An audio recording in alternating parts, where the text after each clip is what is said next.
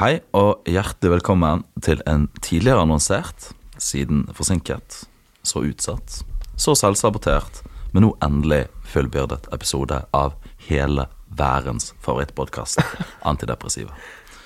Og hei til eh, deg, eh, Johannes von Grytnes, den tredje av sitt navn. Eh, hva har du gjort på siden sist, din tiss? Jeg har, jeg har Nei, hva kan jeg nevne da? Jeg har hatt min første forelesning. Eh, holdt min første forelesning om Hamlet. Så jeg har vært eh, hamletifisert i, i månedsvis. Og jeg har følt meg veldig i takt med det Harold Bloom sier om Hamlet, at vi kan ikke Når vi tenker på oss selv, så kan vi ikke unngå å også tenke på Hamlet. Og sånn har jeg vært da. Jeg husker spesielt da jeg hadde bursdag, og du eh, bursdagsfest, og du eh, startet en drikkelek basert på hver gang jeg nevnte Hamlet, så måtte alle drikke. Mm. Kan du, kan, eh, lytterne kan jo bare gjette hva som jeg måtte drikke på, som jeg gjentok litt for ofte. Ja. Jeg eh, våknet for øvrig etter den festen med et uh, lite notat på mobilen min, der det står at uh, litteraturvitenskap uh, i Bergen består av hamleter og gjenferd. Mm. Det er jo verdt å tenke. Det var sikkert veldig lurt eh, da du skrev det ned. ja, ja, det var kjempelurt. Ør. Nei, siden du ikke skal spørre hva jeg har gjort siden siden ja, sist, hva har du gjort så- siden sist? Faen, sorry. Nei, jeg har ikke gjort en dritt. Nei, nei, jeg har gjort, uh, jobbet mye, drukket mye. Uh, sovet mye. Mm. Sovet lite. Alt, uh, alt til sin tid. Men vi er ikke her for å bare fjase. Vi skal jo tross alt snakke om noe i dag. Og en av vår tids aller, aller skarpeste, noen vil kalle det virtuose penner, ga nylig samtiden følgende beskrivelse. Eller kanskje mer presist, eh, han ga følgende diagnose av den veien vi alle er på vei. Jeg siterer. Å forandre kurs er uansett uaktuelt. Kapteinen har abdisert og overlatt styringen til kyborgen, som nå står ved historiens ror, mens vi, det menneskelige subjektet, har bundet oss til masten i påvente av at sjøen skal piskes enda mer opp. For ja, det er ikke mye agens man sitter igjen med, vi stakkarer som binder oss fast i skipet idet vi passerer de hule, ulende sirener. Kanskje ber du en stille bønn da du står der, bundet til masten, mens tidens tannhjul lokker på deg fra kyststripen, den maskinelle rytmen som gugger ut fra sirenemunn og hamrer i deg som en bankende ereksjon fra eksistensens tomme mellomrom. Og kanskje du spør da i angst, udekket, åpen. Du din lille fandens robot. Idet du snur deg mot styrmannen, denne allmektige kyborg, dette maskinelle vesen ved historiens ror. Lever du? Å, mor. Den lever. Den lever, mamma. Klart den lever. It is alive. Og når kyborgen har staket ut sin kurs, er det intet Trend kan gjøre. Her han står med sin lille biomasse i neven og forsøke å etterligne maskinens repetitive værensang. Én, null. Én, null. En null. En null. En null. En null. En null. En, null. Det er det trellen er, han òg. For ja, i dette hellscapet vi kaller et menneskeliv, er det ikke vi som har kontroll, ikke egentlig. Likevel så frykter vi å miste nettopp kontroll. Som en struts løper vi rundt og passer på vingene våre, i frykt for at vi ikke lenger kan ikke fly. Og apropos strutser og frykt for å miste kontroll. Kjære Johannes Grytnes, dette er jo sci-fi shit. Ja, eh, og da må vi jo selvfølgelig tilbake til, eh, til eh, den første kyborgen, eller det som mange beskriver som den første kyborgen, nemlig Frankenstein, eller Frankensteins monster. Eh, så vi tenkte å begynne der i dag, da. For altså, hva er denne kyborgen, eller hva er denne frykten for eh, eh, dette syntetiske mennesket? Altså dette syntetiske menneskelignende eh, vesenet. Altså hva er den frykten for det, da? Og, og i, i Frankenstein så er det jo nettopp det her med eh, som, som både har den her eh, litt sånn rosi, rosianske poenget om at, om at eh, hvis, hvis du eh, gir et menneske dårlig oppdragelse, eller hvis du behandler det dårlig, så blir det, eh, så blir det et, et eh, monster, eller blir det dårlig. Det er den korrumperende eh, eh, utdannelsen. Og, og han Viktor, som han heter, Viktor Frankenstein, han, han behandler jo Altså, han blir jo forskremt av det verket han har laget, og vil ikke vedkjenne seg det. Og når denne dette syntetiske mennesket, Frankensteins monster, ber om å få en make eh, eh, fordi at det er ensomt, slik Adam også gjorde i, i skapelsesberetningen, eh, så vil ikke eh, Viktor, i motsetning til Gud, gi eh, eh, sin skapning en make, fordi han er redd for hva en rase av disse monstrene vil gjøre med samfunnet og verden og, og, og planeten. Så han, så han, nekter å gi den en en make. Av, nettopp av frykt for holdt jeg på å si, kan si frykt for reproduksjonen. Frykt for livet. Frykt for det der å miste kontrollen på eh, sin skapning. Da. Og som jo er nettopp det samme Gud gjør. da. Eh, han mister jo kontroll på sine skapninger. Ja, det er jo et uh, spørsmål om kontroll og makt. Jeg bare sitere kort fra boken. Victor Viktor Frankenstein sier på et tidspunkt. Liv og død sto nå for meg som innbilte grenser som jeg skulle være den første til å bryte for å fremskaffe lys til vår mørke verden. En ny art ville takke, ville takke meg som deres skaper og opphavsmann. Mange lykkelige og perfekte skapninger ville takke meg for sin eksistens. Mm.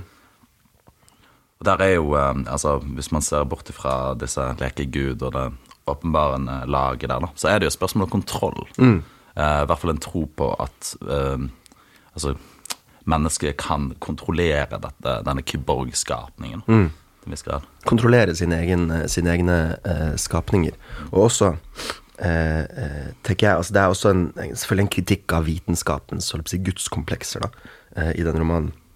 Og at eh, jeg driver og leser Foucaults 'Hermeneutics of the Subject', hvor han liksom eh, eh, sporer eh, hva kan man si, sannhetens forhold til, eller subjektets forhold til sannhet opp gjennom historien.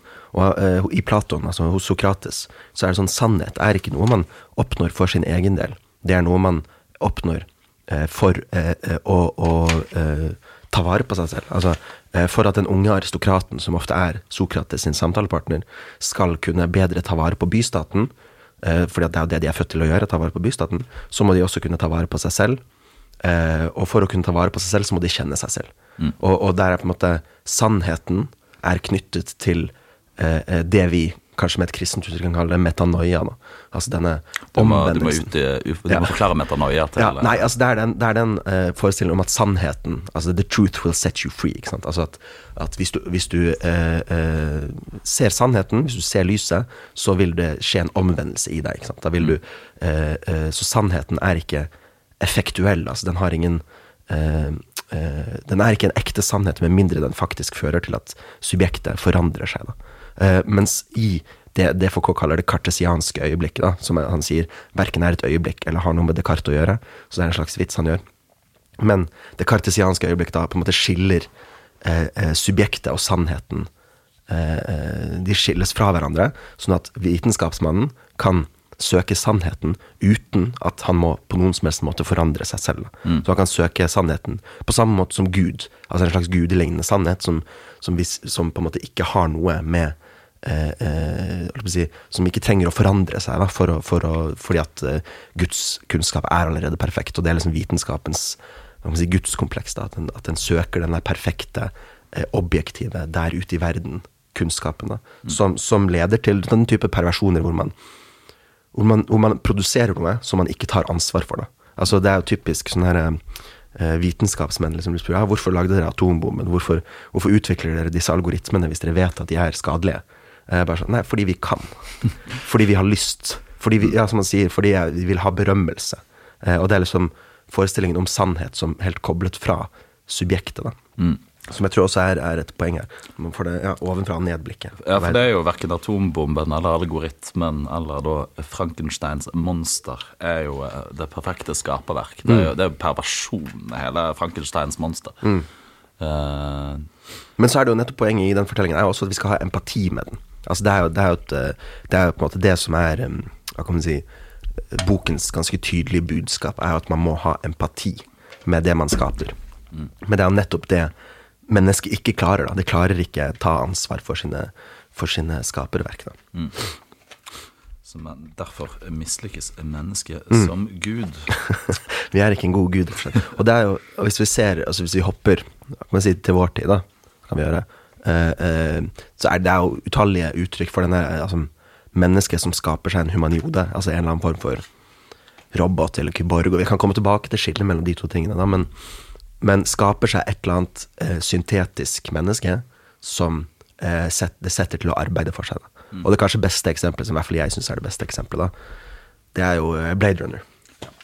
Eh, som, som jeg vet at eh, I hvert fall den siste filmen var vi begge to veldig fan av. Ja, og det er, ikke fordi, det er ikke bare fordi Ryan Gosling er deilig. Nei. er, det er en veldig god film. Ryan Gosling is literally me. Nei.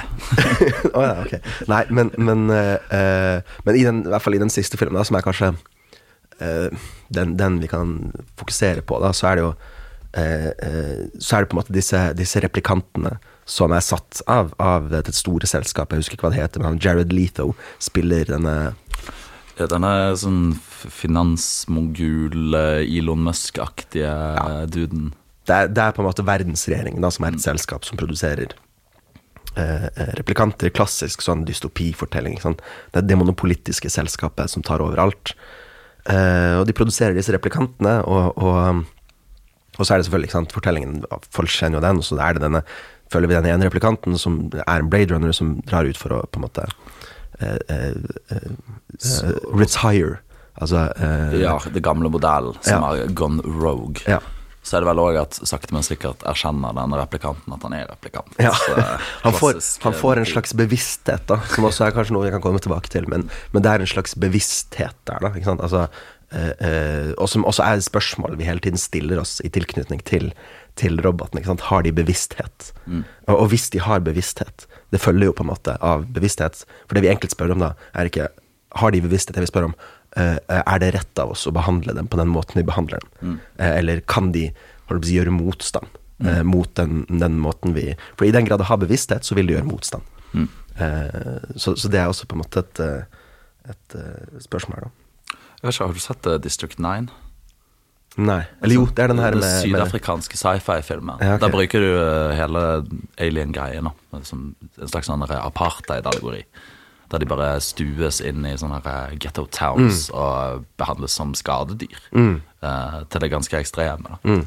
Uh, men jo, Um, altså Blade Runner er jo et tar jo på mange måter den der eh, gode, gamle marxistiske varegjøringen av mennesket helt til det ekstreme. Sant? Uh, ikke nødvendigvis eh, fordi eh, replikantene er noe sånn De er jo ikke roboter, på en måte. Sant? Nei. De er jo ikke ren slavearbeidskraft, men de fyller et sånn derre det blir en sånn vag mellomting, da. eh, som ikke er helt lett å få tak på. Ja, men som nettopp er den her kyborg-tingen. ikke sant? Altså det, er, det er det mennesket eh, blandet med det maskinelle. Eh, og, og der hvor Altså skillet, jeg tenker i hvert fall skillet mellom roboten og kyborgen, Jeg hadde roboten eh, eh, som eh, altså er satt til å arbeide, det er liksom dens funksjon, det er en undertrykt eh, eh, maskin. Mens, mens eh, kyborgen det er på en måte når du tar på deg kontaktlinser eller, eller høreapparat eller, eller mobil altså, all, Vi er på en måte Vi, er, vi alle er kyborger, i den forstand at vi, vi bruker teknologi til å, til å utvide vårt, eh, vårt repertoar. Vår, våre, våre sanseapparater og tenke og følelser og, og alt mulig sånt. da men, men eh, og, og det er på en måte disse Altså I hvilken grad disse replikantene er kyborger eller roboter. altså De er jo nettopp den mellomposisjonen? Hvor, de, hvor de er jo satt til å arbeide. De er på en måte Hva, hva er forskjellen på en, replik på en kyborg og en robot? Jo, men altså, en, en robot altså robot kommer jo fra tsjekkisk og betyr eh, arbeid. Altså eh, Som jo er et eh, litt viktig poeng her. At, at det er Det er rett og slett arbeideren, på en måte. Det er den, altså en, en, en robot er en maskin som er satt til å gjøre en konkret jobb. Eh, mens eh, mens kyborgen er, er en eh, selvforbedrings eh, en, en maskinell selvforbedring av mennesket. Så- For, for vi er jo på sett og vis alle litt kyborger. Sant? Altså, Derfor du på det med et høreapparat eller silikon i dagene, så er du jo kyborg. Ja, og det, eh, og det Men det som er interessant, er jo det her forholdet mellom den selvforbedringen og eh, og det som eh, Altså hva kybernetes betyr, da. Som betyr styrmann. Ikke sant? Som du, du påpekte i, i, i relasjon til den veldig gode teksten som noen hadde skrevet. eh, Eh, og altså at kybernetes betyr eh, styrmann, og det, altså det er liksom det er et spørsmål om liksom kontroll. Hvor ligger kontrollen? Hvem, hvor ligger liksom agensen til å gjøre? Og Det er et spørsmål man kan stille seg selv. Er det du som vil scrolle på Facebook, eller er det Facebook som vil at du skal scrolle på den? altså, Hvor ligger agensen? ikke sant? Eller er det, er det Zuckerberg? Er det algoritmene? Er det, og det er på en måte kybernet, Kybernese på en måte er den her eh, eh, si, nettverksfordelingen av kontroll. da. Hvor, hvor kontrollen ikke lenger sitter i, i dette opplysningstidssubjektet, men, men det sitter i Som liksom har, har selvagens og evne til å forme og skape seg selv da, eh, gjennom, gjennom utdannelse og, og, og arbeid. Men det er liksom eh, Altså et, et nettverk av kontroll og agens som eh, ja, som, som er vanskelig å finne ut av. Det. Så, så Viktor Frankenstein tar feil når han sier at han lyser opp dette mørke rommet. Altså, ja, ja. Mm. Ja, nei, ja. ja.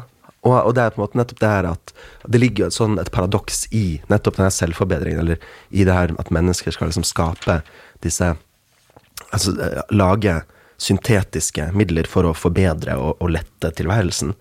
Men eh, gjennom den stadige liksom, utviklingen av disse nye teknologiske fremskrittene, så, blir, så kommer man inn i et slags mørke. Altså Det er fordi at agensen er ikke lenger tydelig. Det er jo eh, eh, en eh, londonsk eh, Husker ikke. Londonsk. Londonsk, en engelsk, da, en britisk eh, eh, kunstteoretiker. eh, James Husker ikke hva han heter, men, men han har skrevet av The New Dark Age. Technology and the End of the Future, som det heter. Altså Hvor forestillingen er den at, at uh, vi har utviklet så enormt mye uh, teknologi. Uh, og han bruker da parallell til meteorologien. da at, at meteorologien er jo, er jo på en måte vitenskapen om å spå i været. Du skal liksom, og for å spå i været så må du ha enormt mye data. Altså Du må ha enormt mye data. Og det ble jo utviklet spesielt under liksom første og andre verdenskrig. For, for det var viktig å vite hva været kom til å bli i morgen. I forhold til når du skal ha offensiver og sånne ting. Og, men for å samle inn nok data til å eh, forstå eh, framtiden på den måten, altså bare noen timer inn i framtiden, så må du ha så mange datapunkter at in intet menneskelig subjekt kan overskue det. Og da må du ha liksom algoritmer og statistikk som gjør, som på en måte tar den jobben for deg. da. Og når det, den algoritmen og den statistikken eh, eh, blir så komplisert at du ikke engang kan overskue den, da er på en måte, det er spørsmålet om er det, er det du som er subjektet i denne operasjonen lenger. For det er litt interessant. altså sånn Hvis du ser um, altså Hollywood har jo alltid fingeren på vår felles uh, frykt, angst og begjær. Uh, og hvis du ser uh, tilbake til 80-tallet, altså før uh, datateknologien virkelig skyter fast, sant? så er man jo redd for kyborgen. Man er redd for roboten. Du har jo da har du det klassiske narrativet med at roboten utvikler eller skal hevne seg på mennesket og reise litt sånn Planet of the Apes-logikk. da Men når du ser eh, robotfilmer egentlig de, de siste 10-15-20 årene, så er det mer at man en sånn slags måte å utforske hva er det som utgjør et menneske. på en måte. Man skulle nesten tro at uh, det blir så uoversiktlig, dette med eh, hvem har kontroll, hva er denne kyborgen, at uh, man ikke klarer å frykte det. Man har ikke noe konkret å frykte. Nei, ja. Så når um, Spesielt etter pandemien så har jo veldig mange av sånn angst, uh, angstfilmer har jo egentlig vært mer på biomaskiner. Det er jo naturen vi er redd for nå, ikke, ikke teknologien. Selv om vi kanskje burde være jævlig redd for tekno- Nei, nå, skal jeg ikke være Heidegger. Det, det, går, det går helt fint. Jo, men ja, nei, eh, eh, og det er jo på en måte det her, er- altså det er selvfølgelig en parallell mellom naturen og, og, og teknologien, i den forstand at det er noe vi tror vi kan kontrollere, som vi åpenbart ikke kan kontrollere. Og det er, det er sånn, kanskje litt sånn tåpelig poeng da, med denne begrepet begrepet antropocen, eh, som på en måte er den menneskets tidsalder, da. Menneskets Fan, geologiske tidsalder. Jeg er altfor fyllesyk til å tenke på Morgenbladet. kan, kan du forestille deg mer Morgenbladet-ord enn antroposen? Ja, ja kanskje. Eh, Jeg får sånn klam Bernhard Ellefsen-svette nedover. Eller, Men, men eh, eh, antropocen, altså, eh, som jo nettopp er eh, er på en måte en call eh, for ydmykhet. Vi må være ydmyke for den påvirkningen vi har på planeten. Men det begrepet som skal innbefatte denne ydmykheten, er eh, et begrep som betyr mennesket har eh, eh, større makt enn alle andre geologiske eh, mekanismer. Som sier altså mennesket er større enn planeten det bor på. Mm. som, er påstand til antroposenuttrykket. Ikke sant? Eh, og hvorvidt det er på en måte er faktisk sant eller ikke, det kan man diskutere. Men det er noe med paradokset i, i, i det antroposenbegrepet. At det er liksom det skal være et, eh, sånn, De må være ydmyke, samtidig som det er eh, ja, enormt hybrisaktig. Mennesker er ganske opptatt av å jekke seg for tiden. Altså Hvis du ser den eh, meget populære, men også gode TV-serien eh, The Last of Us, som nå går, så er jo Det er vel eh, HBOs eh, jekk deg menneske i eh, ja, Det er jo for så vidt basert på et spill, da, men der er det jo eh, Hele clouet der er jo at eh, Jeg vet ikke om lytterne våre kjenner til zombiesoppen. Det er sikkert eh, fått med seg på et eller annet tidspunkt. Men det er jo kulturelle da forestillinger. ja, men det, det finnes jo på ekte. Det er en sopp som da uh, kan uh, gå inn f.eks. i insekter og ta over uh, Altså hardware hjernen deres. Mm. Så han kontrollerer alt av kroppen. Og selv når kjøttet dør, så har han fortsatt fullstendig kontroll. For soppen lever videre gjennom denne som en slags sånn da Eh, og eh, hele premisset til The Last of Us da er jo at global oppvarming gjør at eh, soppen rett og slett tilpasser seg til å leve i høyere kroppsstøt, eller høyere temperaturer. Da. For den capper på 35 grader, så det er ganske safe. Men hvis den da utvikler seg til å cappe på 37, så eh, kan jo den ta over mennesket òg. Og det er jo det som skjer. Eh, verden går jo totalt under. Yeah. Mm. Og det her er jo den her eh, Fordi hva er soppen, på en måte? Altså, det er et overskudd av liv, på en eller annen måte. Altså, det er, det er eh, eh, Altså, hvis du legger Hvis du lar yoghurten stå i kjøleskapet i tilstrekkelig lang tid, så utvikler den et eget økosystem. Snakk for deg sjøl. Ja, nei Eh, eh, Jeg nekter å tro at du aldri har hatt en yoghurt stående i kjøleskapet som har utviklet eh, eh, intelligent, semi-intelligent liv. Men akkurat Eh, yoghurt syns jeg er så jævlig digg, så det bare gafler jeg det med en gang. Ja, okay, Ja. Men jeg har, eh, akkurat nå så har jeg en sånn fried rice som eh, er vel en måned i en plastboks. Den tror jeg er ganske giftig. Ja. Eh, men det er altså, soppen er på en måte dette når det er mer liv enn det det burde være. på en måte Altså Det er et overskudd av liv. Du vil ikke ha sopp noen steder. Det betyr at det er gode forhold for liv eh, eh, i huset ditt. Det vil du ikke ha. Men Det er jo den ultimate liksom, fuck you ag til menneskeheten. Som, altså, det er ikke menneskets egen skapning som eh, utsletter mennesket. For det hadde jo kledd menneskets arroganse ganske godt. Men det er en jævla dum fucking sopp som utrydder, mm. utrydder oss alle. Mm. Ja, det er Det, det er kosmisk ironi. Mm, og det er kanskje forskjellen på skillet mellom, mellom disse to Kanskje to kulturelle dystopiene vi har. Den ene er jo at vi produserer eh, eh, si, en skapning, en, en robot eller en kyborg, som, som eh, tar over eh, og på en måte utvikler bevissthet og, og, og, og blir lei av oss. da Og den andre er jo denne her eh, kanskje litt mer ydmyk, ydmyke eh, tanken om at sånn eh, eh, naturen tar tilbake. Altså naturen Ja, men jeg tror da òg det er et eh, ganske grovt anslag av menneskelig arroganse. Bare se f.eks. hele vaksineskepsisen. Hva er de redd for? Du er redd for dataskip, sant? Og Det er ganske arrogant shit å være redd for dataskip. Du er ikke redd for uh, dette viruset, dette biologiske. Det kan, det kan knapt Altså, skal du så dumt knekke meg? Ja, Men datashipen, dataskipen, Ja. den er vi faen meg redd for. Altså. Ja, ja, ja. Ja, nei, men det er jo nettopp Altså, ja. eh, Det er, og det er spørsmål om kontroll igjen. Ikke sant? Altså, Også i, i forholdet til, til denne soppen. Altså, det er noe vi nettopp ikke kan kontrollere. Altså, Foucault definerer jo liv som det som gjør feil. Altså det som ikke, det som ikke utelukkende lar seg eh, eh, forutse og, og kontrollere. Da. Som jeg syns er en ganske sånn produktiv definisjon av liv i møte med nettopp de kontrollapparatene vi har rundt oss hele tiden. Altså, um, altså I motsetning til en datamaskin hvor du tar en input, og så vet du hva outputen blir. Altså, Hvis du trykker space, så får du samme resultat hver gang. Men hvis du, hvis du trykker på en nese til, til et menneske, så får du ikke samme resultat hver gang. Det, er det man elsker med mennesker. Ja, ja, ja, Det er nettopp det som er uh... Men hva er egentlig kontroll, da? Eksempel når Ja. du uh, holdt på å si uh, Pound your over JJ on a Friday night. Mm. Er det du som har kontroll? Mm. eller er det begjær, er det driftene dine, Mm. er det noe annet utenfor din agens da, Mm. som kontrollerer deg? Eller er det fordi du styrer hånden Mm. eh, som gjør at du har kontroll? Altså, hva er kontroll? eh, Ja, ja, ja. ja, ja. Gode, gode akademiker, hjelp Ja. meg på vei. Nei, jo, men, men altså, det er jo også Altså, jeg vet ikke hva Kom med en sånn eh, ontologisk definisjon av kontroll, men Jo, Nei, ja, det, ja. Nei, men, men eh, heller Heller sånn hvorfor dette behovet for kontroll, ikke sant? Og spesielt i relasjon til, til eh, roboten, altså, eller arbeidet. Altså den vi har satt til å arbeide. Og da syns jeg jo Den kanskje sånn mest siterte passasjen i eh, Hegel er jo denne her uh, eh, herre Trell-dialektikken, ikke sant. Ja, jeg tror det er en god nummer to etter Minervas ugle. Ja, kanskje, ja. Men, men det er ingen som vet hvor Minervas ugle står i Hegel, mens uh, det, det er bare sånn Det har man funnet på sånne wiki-quotes. Ja. Uh, men, men den her Trell-dialektikken, som også sikkert bare finnes på Wikipedia Men, men Ja, men Forstår du herretrell-dynamikken ut fra en lite Wikipedia-tjafs? Nei, jeg har selvfølgelig lest hele Hegel, Joakim. Ja. Nei, jeg har ikke det. Men, men, men altså den, si, den litt forenklede utgaven av herre Trell-dialektikken det er jo det at altså, det er en kamp på, på liv og død eh, i dette. I, dette er kanskje sånn naturtilstand til Hegel. Da. Altså Han sier at det har aldri skjedd. altså Mennesker har alltid levd i relativt kontrollerte samfunn. Men, så vi har aldri levd i en sånn naturtilstand, sånn ulvetilstand. liksom.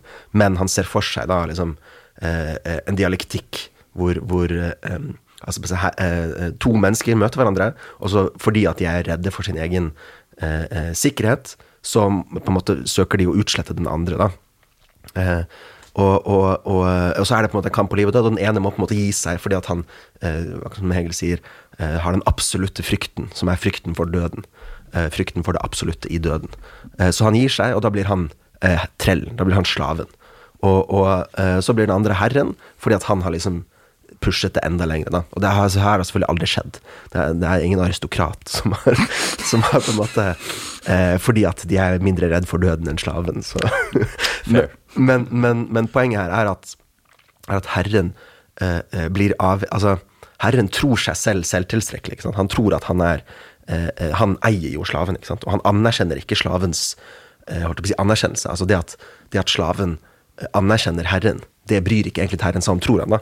Men, men du er avhengig av den andre for å få anerkjennelse og for å få selvbevissthet, da, på en måte. Eh, I hvert fall her, herren er det. Altså herren er avhengig av slaven eh, for, å, altså for å kunne konsumere. Mens eh, slaven er jo på ingen måte avhengig av herren. Altså fordi slaven arbeider jo. Slaven produserer. Eh, det gjør ikke herren. Eh, og, og det på en måte altså Det er det som er den her eh, frykten for det arbeidende. Frykten for arbeideren er jo det at arbeideren er jo den som har makten. Altså det er slaven som har makten, ikke herren. For herren konsumerer jo bare. Det er altså bare Det er en nyttig påminnelse inni dine. Altså bare se Jeg har jo aldri egentlig tenkt på hvor mange midler man har. Så man liker å tro sånn Ja, vi kan eh, gjøre voldelig opprør. Bla, bla, bla. Man tror på den fysiske Eller makten i mengde, da. Men nå med de der eh, franske demonstrasjonene som har vært, og de begynner å true med sånn å skru av strømmen til rikinger og sånt. Altså, selvfølgelig, det kan man jo gjøre. Ja, ja, ja. Altså, Ja. Hvorfor ikke man trenger Og franskmenn er jo gode på dette her. men men eh, ja, som, som er, altså det er jo, I konkret forstand så er det på en måte bare et marxistisk poeng. ikke sant? At, at, eh, at det er arbeideren som produserer. Det er arbeideren som har makt. Og det er liksom det som er altså fordi at Når vi ser på robot, og liksom hvor det kommer fra ikke sant? Det kommer jo fra eh, eh, en, en tsjekkisk eh, forfatter som het Karel Čapek, som var, skrev liksom på 30-tallet. Eh, og beskriver Altså, han, han er på en måte redd for fascismen, nazismen, nasjonalismen, som han oppfatter som eh, en, hva kan man si, en, en, en åndsløs eh, eh, opprør nedenfra. Altså Han er jo redd for Som var liksom typisk på den tiden. Hvis du ser på tyske eh, sånn ekspresjonistfilmer og sånne ting, de er jo livredde for, for eh, arbeideren. Eh, ikke bare fordi han er kommunist, potensielt, men også fordi han er nazist. altså eh, eh, i, hvert fall, i hvert fall disse eh, kulturfolkene, men, men det er liksom altså, Og så beskriver han da på en måte den her RUR, som er et sånt skuespill han skriver, som er rob, altså første, bruk, første gang robotordet ble brukt. da. Og, um, og det er på en måte det er selvfølgelig den klassiske. ikke sant? Robotene er satt til å gjøre slavearbeid. De arbeider og arbeider, Også på en måte gjør de opprør. da. Og han skrev også det som heter Salamanderkrigen på norsk, da, som eh, jeg fant da jeg, da jeg i, i eh, Da jeg var sånn 18-19, eh, skrev, eh, skrev særemne om Jens Bjørneboe. For du er den typen som skrev særemne om Jens Bjørneboe. Ja, ja, ja. Det tror jeg ikke overrasker noen lyttere. Nei, nei, og gikk med palestinaskjerf og, og, og skulderveske. Du kommer aldri til å gjette hva jeg skrev særemne om. Hamsun. Ja, altså det var Sult av Hamsun. Ja, Men det var det, så jeg gjettet ja, ja, men jeg sammenlignet han med Bård Torgersen mas sin 'Maskinens uerstattelige deler', Mm. som handler om to sånne jævla ekle folk som uh, lager porno uh, sammen. Okay. Og legger det på nett. Sånn sadoporno. Det er en gøyal sammenligning. Uh, men, men i hvert fall, altså, Bjørneboe bruker jo hele tiden ordet Han sier, sier dette her om alle som på en måte er åndsfiendtlige. Alle som ikke forstår liksom, menneskets åndelige sider. Han kaller dem for salamandere. Uh, altså, sånne Lærere er gjerne salamandere. Eh, eh, bedriftseiere er salamandere. ikke sant? BI-gutter er salamandere. Ja, eh, det ville Jens Bjørneboe sagt, da. Bra han tok livet av seg før BI oppstås. Ja, ja, ja. Nei, han hadde ikke orka det. Eh, det var kanskje en grunn til at han tok livet av seg. Eh, men Uten å spekulere for mye i det. Men, men i salamanderkrigen så er det nettopp det her at, at man finner en salamander på ei øye i Stillehavet som kan brukes til å gjøre arbeid. Og så setter man det til å gjøre arbeid, men etter hvert så utvikler eh, disse salamanderne holdt på å si, en slags menneskelig bevissthet og begynner å kreve rettigheter. Og så blir det liksom mer og mer uh, opposisjon. Kalibanifisering, rett og slett. Uh, Hvis du tar Ja. det i MSSRs uh, Ja. Kaliban Magens, da. Mm, at man tar Herrens språk og vender Ja, det altså, å- freedom high, freedom low. eh. man, man, altså, eh, det er jo den her eh, Den enorme arrogansen til arbeideren som tror han skal ha samme rettigheter som og, og, og hvis arbeideren skal ha det, hva, da plutselig så skal kvinner ha det. Og så har vi det gående, vet du. Men, det, men det blir jo eh, altså, Alt dette kommer til å bli veldig enkelt nå eh, når man skal gjeninnføre slaveriet om sikkert 15-20 år. Ja, det er altså, det, ja, men når robotene Altså når vi har um, full pupp eh, Full pop uh, luxury communism, Mm. der alt er automatisert. Og uh, vi blir jo som sånn her, nærmest plantasjeeiere, hele Mm. menneskeheten. Mens robotene står og lider. eh. Ja, og det er nettopp denne frykten for at det arbeidende Altså nettopp som, som herrer så er vi redd for at den arbeidende skal innse at det er vi som er avhengig av den, og ikke motsatt. Og det er på en måte denne robotfrykten. Altså frykten for at den vi har satt til å arbeide, skal innse at det er han, og ikke jeg, som har makten. Um, og det er på en måte, Når man ser det i USA, for eksempel, så er det den, den reaksjonære bølgen her er nettopp sånn her, Det var aldri meningen at de svarte skulle få eh, den type eh, eh, menings- og rettigheter som de har nå. Det var liksom og, og, det, og det frykter jo selvfølgelig herre, herrene, på en måte. Eh, så da gjør de alltid sin makt for å unngå det. For at unngå at den bevisstheten eh, si, Spørsmålet har roboten bevissthet. Her også har arbeideren klassebevissthet. Fordi i den grad arbeideren har klassebevissthet, eller i den grad roboten har bevissthet, så vil den gjøre opprør. Eh, og, og, og velte systemet. Da. Så tenker jeg er, er en sånn Den her frykten for eh, roboten, da, til en viss grad. Men jeg har også kan ta det eh, litt videre, for det er også bare noe med hvordan roboten framstår. Altså, hva er roboten? Det er det der eh, repetitive Ja, for, for roboten her, altså i motsetning til uh, Oga Ryan Gosling som replikanten, så, så kan jo ikke altså Det ligger jo ikke i roboten å utvikle empati eller agens eller emosjoner eller frykt eller begjær. Sant? Roboten er jo en eh, enkel kalkyle. Den plukker opp en dings og legger den. Den er sin programmering, på en måte. Uh, Idet roboten utvikler noe mer, så er den jo ikke en robot lenger. Da er den jo en kyborg. sant? Ja, ja eller ja, mm, Eller blir en slags eh, Det, blir, det får en annen eh, etisk status, da, Ja. uh, plutselig. Men, men, men fordi at eh, Jeg har tenkt litt på det her med Altså også forholdet mellom kyborgen og roboten. Men um, Altså fordi at eh, hvis du ser eh, Charlie Chaplin sin 'Modern Times', som er en utrolig god allegori for nettopp dette her altså, arbeiderens robotifisering. Det at eh, når arbeideren står ved maskinen, ikke sant? Du, du kjenner til, du har sett filmen, ikke sant? Så, Oh, yes. så, så på en måte blir disse bevegelsene, disse gjentagende bevegelsene, blir en del av, av eh, robotens, på en måte, eh, eller arbeiderens eh, eh, hva kan man si, livsform. da. Eh, arbeideren blir repetitiv, eh, marsjerende. Og det er det som skjer i filmen også. ikke sant? Altså Han er eh, The Tramp som jobber i fabrikken, får de der bevegelsene, ikke sant? gjentagende bevegelsene, som så ender opp i at han ender opp i et demonstrasjonstog, hvor de også marsjerer. Ja, for det, det er jo til- tilfeldigheten og kløningen som gjør uh, The Tramp eh, til, eh, til et menneske. sant? Det er jo uh... Jeg trodde jeg du skulle si det er tilfeldigheten og klønheten som gjør The Trump til et menneske. Det hadde også Åh, hadde ikke vært jævlig gøy? Bare sånn eh, gjenskape alle liksom eh, The Trump-filmene til Chaplin med The Trump. En sånn bitte liten Donald som uh, Ja, det blir, det blir fort sånn, det blir fort sånn se, hvor dum, se hvor dum Donald er. da Åh, faen. Ja, nå er vi på sånn her uh, Saturday Night Live Ja. lib-shit-sketsj der eh, Trump ligger der med globusen. Mm. Ha-ha-ha, Donald Trump er fascist. Buh. Ja, ja, ja, ja. Som er den slappeste analysen. Men, uh, Ja, den er kjempeslapp. men uh, altså, for all del. Men, men poenget er at det her, altså, frykten for roboten og arbeideren er også, ligger også i dens livsform. Ikke sant? Måten den er på. Den er, den er på en måte individutslettende. Altså, det er eh, likhet. Det er eh, eh, Funksjon. Ja. Og det er eh, men, men så tenker jeg liksom eh, På samme måte som Charlie Chaplins eh, The Tramp blir robotifisert gjennom jobb på fabrikken. Altså på samme måte som arbeiderne ble maskinelle av å, av å stå tolv timer i døgnet og, og gjøre samme bevegelse. Altså de mister sin individualitet. da. Så er det noe med eh, Hvis du ser inn altså, Det er ikke ofte jeg, jeg prøver å unngå å gjøre det, men hvis du ser inn på et treningssenter altså, Men du er jo sånn som henger på treningssenter. Du kan jo innrømme det. Jeg har aldri noensinne.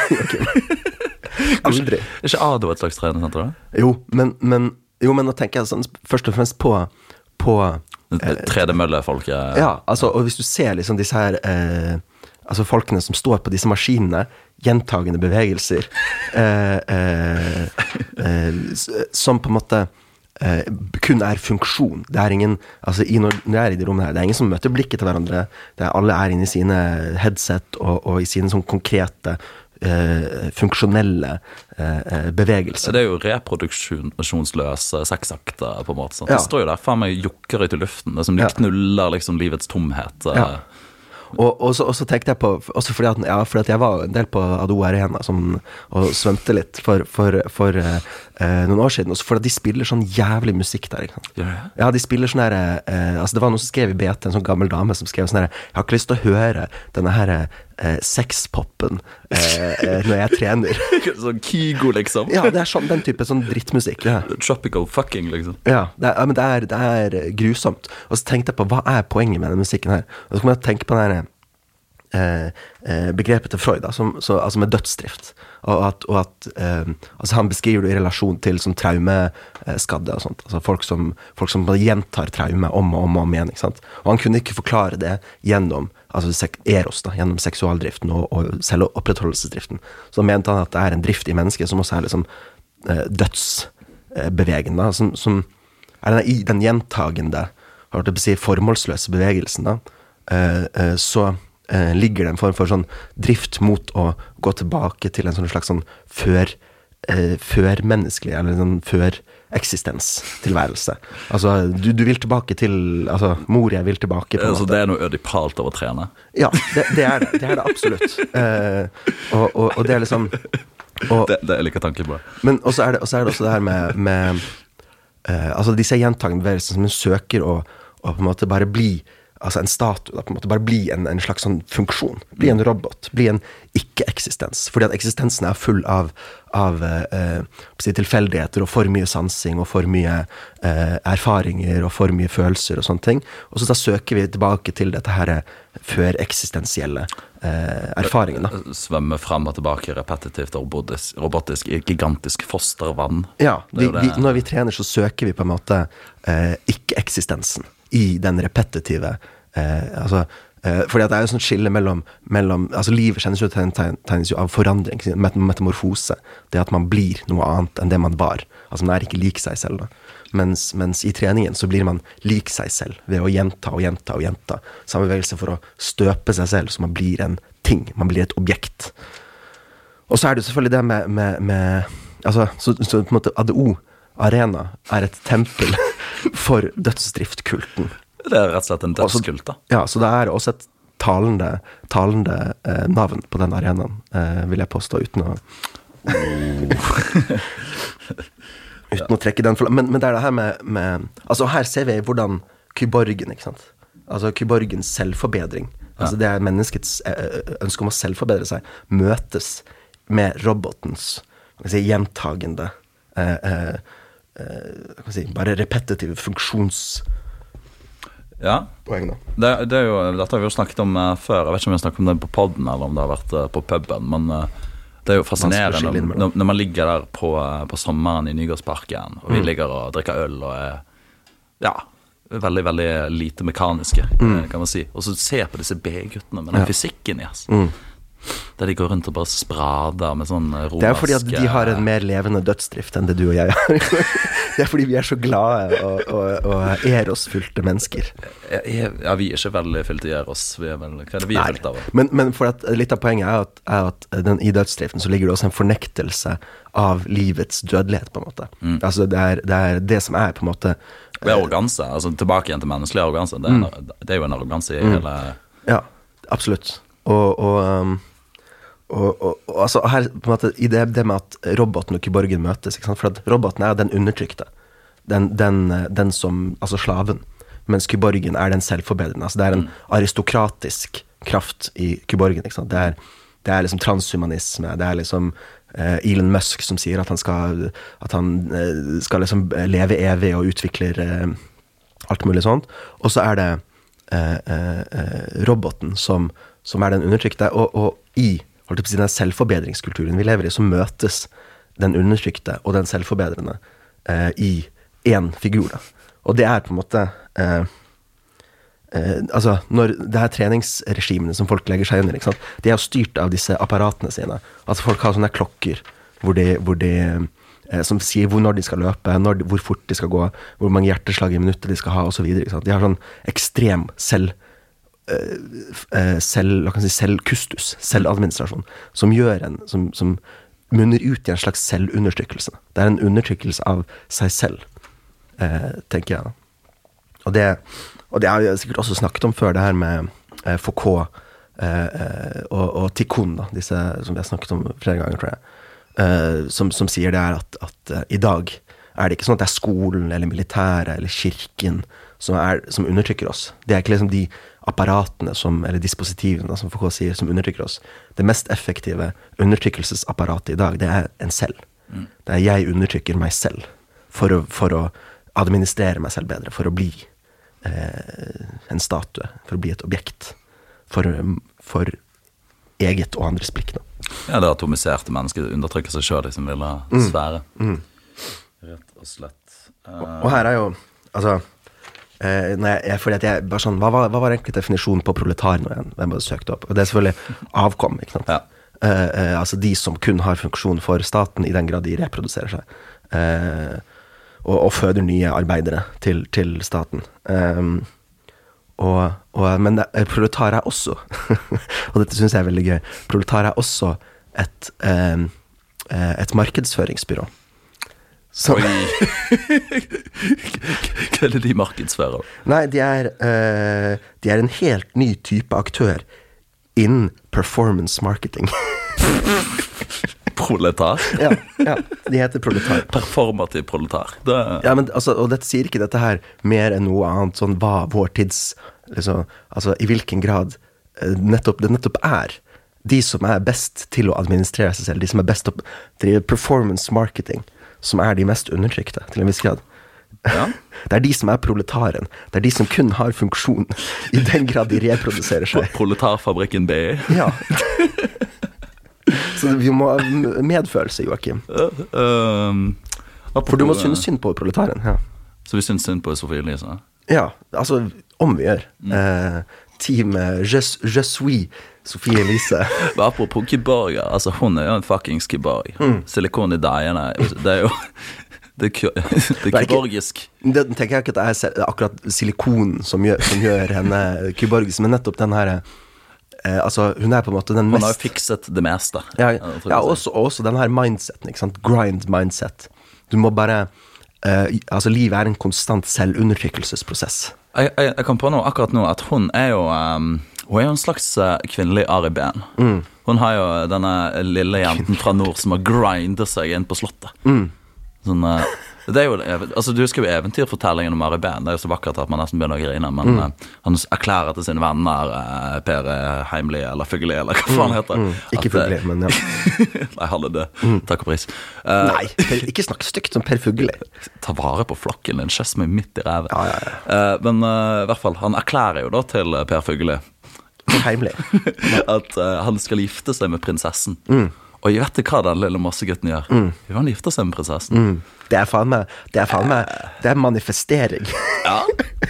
RB-en er det OG manifester. Men altså, er det ikke jævlig sånn rørende sånn der, Nesten sånn dannelsesreise, Jo, jo. da? At altså, Sofie Elise ender opp med å ta, ta seg noen linere på Slottet, liksom. Men det er, det er en uh, Det er en uh, uh, Altså, hva skal man si Det er, eh, det er den her eh, Altså, det er en moderne er en, Eller en postmoderne eller en nyliberal eh, eh, dannelsesreise. Da, hvor, hvor den her selvadministrerende subjektet Altså, hun, hun ble jo kjent gjennom bloggen, sant, som handler om Uh, som, og han- som handler om å overvåke seg selv. Det handler om å, hva gjorde jeg i Ja, dag sant. for å bli bedre. Uh, uh, hva, og det er på en måte kyborgisk eksistens. Da. Det er denne her konstant selvforbedrende eksistensen. For vi er jo, eh, altså, åpenbart er jo Sofie Elise hele det norske samfunns Frankensteins monster. Mm. hvem er Viktor Frankenstein i, i denne ligningen? Ja, ja, ja. Er det Støre? Nei, ja, jeg vet ikke. Uh, men det er vel Altså, det er sånn Who killed Laura Palmer? Det var, det var oss alle. De fred Sofie Elise. Ja, nei, ja, men Ja, men det er nettopp den der at, at uh, Altså denne kyborgiske eksistensen som driver sånn konstant selvforbedring, konstant selvundertrykkelse, og gjør seg selv til en slags eh, eh, robot. Og så tenker jeg på det er nettopp det forholdet som også ser i Jared Leto-karakteren i, i Blade Runner. Det er den her, eh, altså Hans greie er at han har øyne overalt. At han har faktisk øyne som han har koblet til Så han kan se alt, liksom. Eh, og det er dette her eh, Altså, Hvem er den mest synlige figuren i Norge i dag? ikke sant? Altså, Det er, det er jo Sofie Elise til en viss grad. Det er hun som på en måte er den, den som blir sett på. Den, den som man ser. Uh, ja. Ja, for hun er jo, Og så er hun på mange måter litt sånn som, sånn som Britney Spears var i sin tid, var felles liksom sånn scapegoat. Mm, Hun er jo en slags messias-skikkelse som bærer liksom våre felles synder på, på sine skuldre. Hun renser oss. eh. Mm. Og det er- altså, sånn, nå- nå når folk er pia på henne for det cola-greiene, liksom. Det er jo Altså, det handler jo ikke om denne posen med cola, det handler om noe helt annet. Folk får jo ut sine sånne verste redsler og frykter og liksom projiserer det over til Sofie Hun, er jo, hun er jo roboten som har reist seg. Hun er, hun er, hun er, hun er Hun er Harrison Ford, liksom. Ja, eller, eller i, i, i Eh, Ryan eh, Gosling. Ja, i Blade Runner, eh, siste Blade Runner-filmen så er det jo det her at Ryan Gosling tror han er Det er han som er Messias. At det er han som er robot-Messias. Ja. Men så viser det seg at han bare har fått minnene til den andre jenten som sitter i det glass, eh, glassrommet og lager sånne minner. Hun, det er hun som er robot-Messias. Eh, Og, og, og et Daie-Messias, eh, rett og slett. Og det, jeg syns det er litt sånn eh, herlig, nesten litt ironisk eh, på vakkert vis. At hun liksom Hun endte ikke opp med å være verken hore eller Madonna. Hun, hun, hun er Jesus. ja. Det, It's literally her. ja, og det, og det, det er jo sånn, ja, verken Altså, for det er det her blikket man har på disse, disse over Altså eh, konstant overdeterminerte, konstant beglodde, konstant sett på eh, kvinnene. Sånn, er, de, er de hore eller madonna? Klar, oppfører hun seg, eller er hun, er hun fortsatt eh, jomfru? Eh, men nei, hun er, hun er Det er hun. Det er hun. Det, Det, det er hun. It's her. det, er, det er rett og slett eh, hun som skal frigjøre oss. Mm. Og tilbake igjen til også det her med, med Foucault sitt poeng med, med hva er livet, ikke sant? Hva er, hva er livet i roboten? Jo, livet i roboten er det som gjør feil. Det som, så når, når, når Sofie Elise eh, Når han Danby Choi som sier, som sier denne, Det ble eh, postet med et uhell. Og det er sånn Det er det dummeste jeg vet å si. Jeg postet bildet med et uhell. Du vet han heter ikke Danby Choi, sant? Nei, han heter? Danby Choa. Å ja, ok. Ja, ja. Nei, det er ikke det. ja. Men, men um, han eh, eh, Ja, altså, altså og, og, og hva er nettopp altså Her ser vi på en måte Kyborgen gjør feil. Altså den, It's a den glitch in the Matrix. Ja, there's a glitch in the matrix, og nå kommer uh, Messias, da. Men det må jeg også si, at, at uh, sånn, cola er det minst spirituelle dopet som finnes. Ja, men det kler jo oss. Altså, Sophie Elise, hvis hun hadde trippet på syre, det hadde ikke vært veldig norsk. Det hadde ikke vært representativt. Nei, det er sant. Det må være cola. ja, ok, ja, for det, det, det Eller, altså sånn, også, Nei, vi er for dekadente for speed. Vi er for dekadente for dop som faktisk har effekt. Det må være cola. mm, En, uh, dopet som kun gjør deg mer pratsom. Altså, det, Fem minutter. og dette skal sette oss fri. Ja, kanskje, kanskje hun satte oss fri i fem minutter, og så var det over. ja. Fem minutter frelse. En praktisk liten pakke. Ja. Du, eh, du kan, du kan fri... Mar markedsført av proletar. Ja, ja, ja. ja, ja, ja, ja. og eh, altså det, er, det er jo med det her med, med Også med kyborgen, ikke sant, som peker på at det er ikke vi som har kontroll. Ikke sant? Altså kontrollen er spredd rundt overalt. Ikke sant? Mm. Og, og, og, og, og, og og det som er jeget, da, det som har, på en måte har agensen, det vi tenker på som selve, det som på en måte bestemmer over sin, eh, eh, sine omgivelser, det er på en måte spredd utover. Da. Altså, det er ikke vi som bestemmer når vi skal løpe, og når vi skal løfte, og hvor, om det er leg day eller, eller arms day. Snakk Snakker deg sjøl. det, det er på en måte disse pulsklokkene våre og, og treningsregimene våre som, som vi laster ned fra, fra mm, den virtuelle væren. Og, eh, og det er liksom Og, og, og da, da tenkte jeg på det her med, med eh, ekstase, ikke sant? Altså, som er den mystiske erfaringen av å gå ut av seg selv. Altså det er ekstasis. At du er liksom eh, eh, ikke i deg selv lenger. Og, og, eh, og som er det sånn nettopp på grunn til at cola er, er et eh, ikke-spirituelt dop, fordi at du blir bare mer av deg selv. Det er ingen, altså, til og med alkohol. Da går du litt sånn til en viss grad mister kontrollen over deg selv, ikke sant. Ja, men samtidig så har du agens i alkoholkonsumet på et vis. Du ikke har i Har man det? Hvis du drikker øl, så kan du kontrollere. Ja, ja, ja, Eller kanskje ikke. Du mister, Før eller siden mister du kontroll. Ja. Men uh... Det er nettopp det. Og, og det er nettopp det som er poenget. Altså som, som du sa i går, drikker ikke for å ha det gøy, drikker for å forsvinne. sa jeg det? det høres veldig ut som meg. ja. Men, men uh, uh, Ja, som, som Så nettopp er det sånn den her Når, når, når det er kyborgen som styrer, da, så er vi på en måte ekstatiske. Vi er ute av oss selv.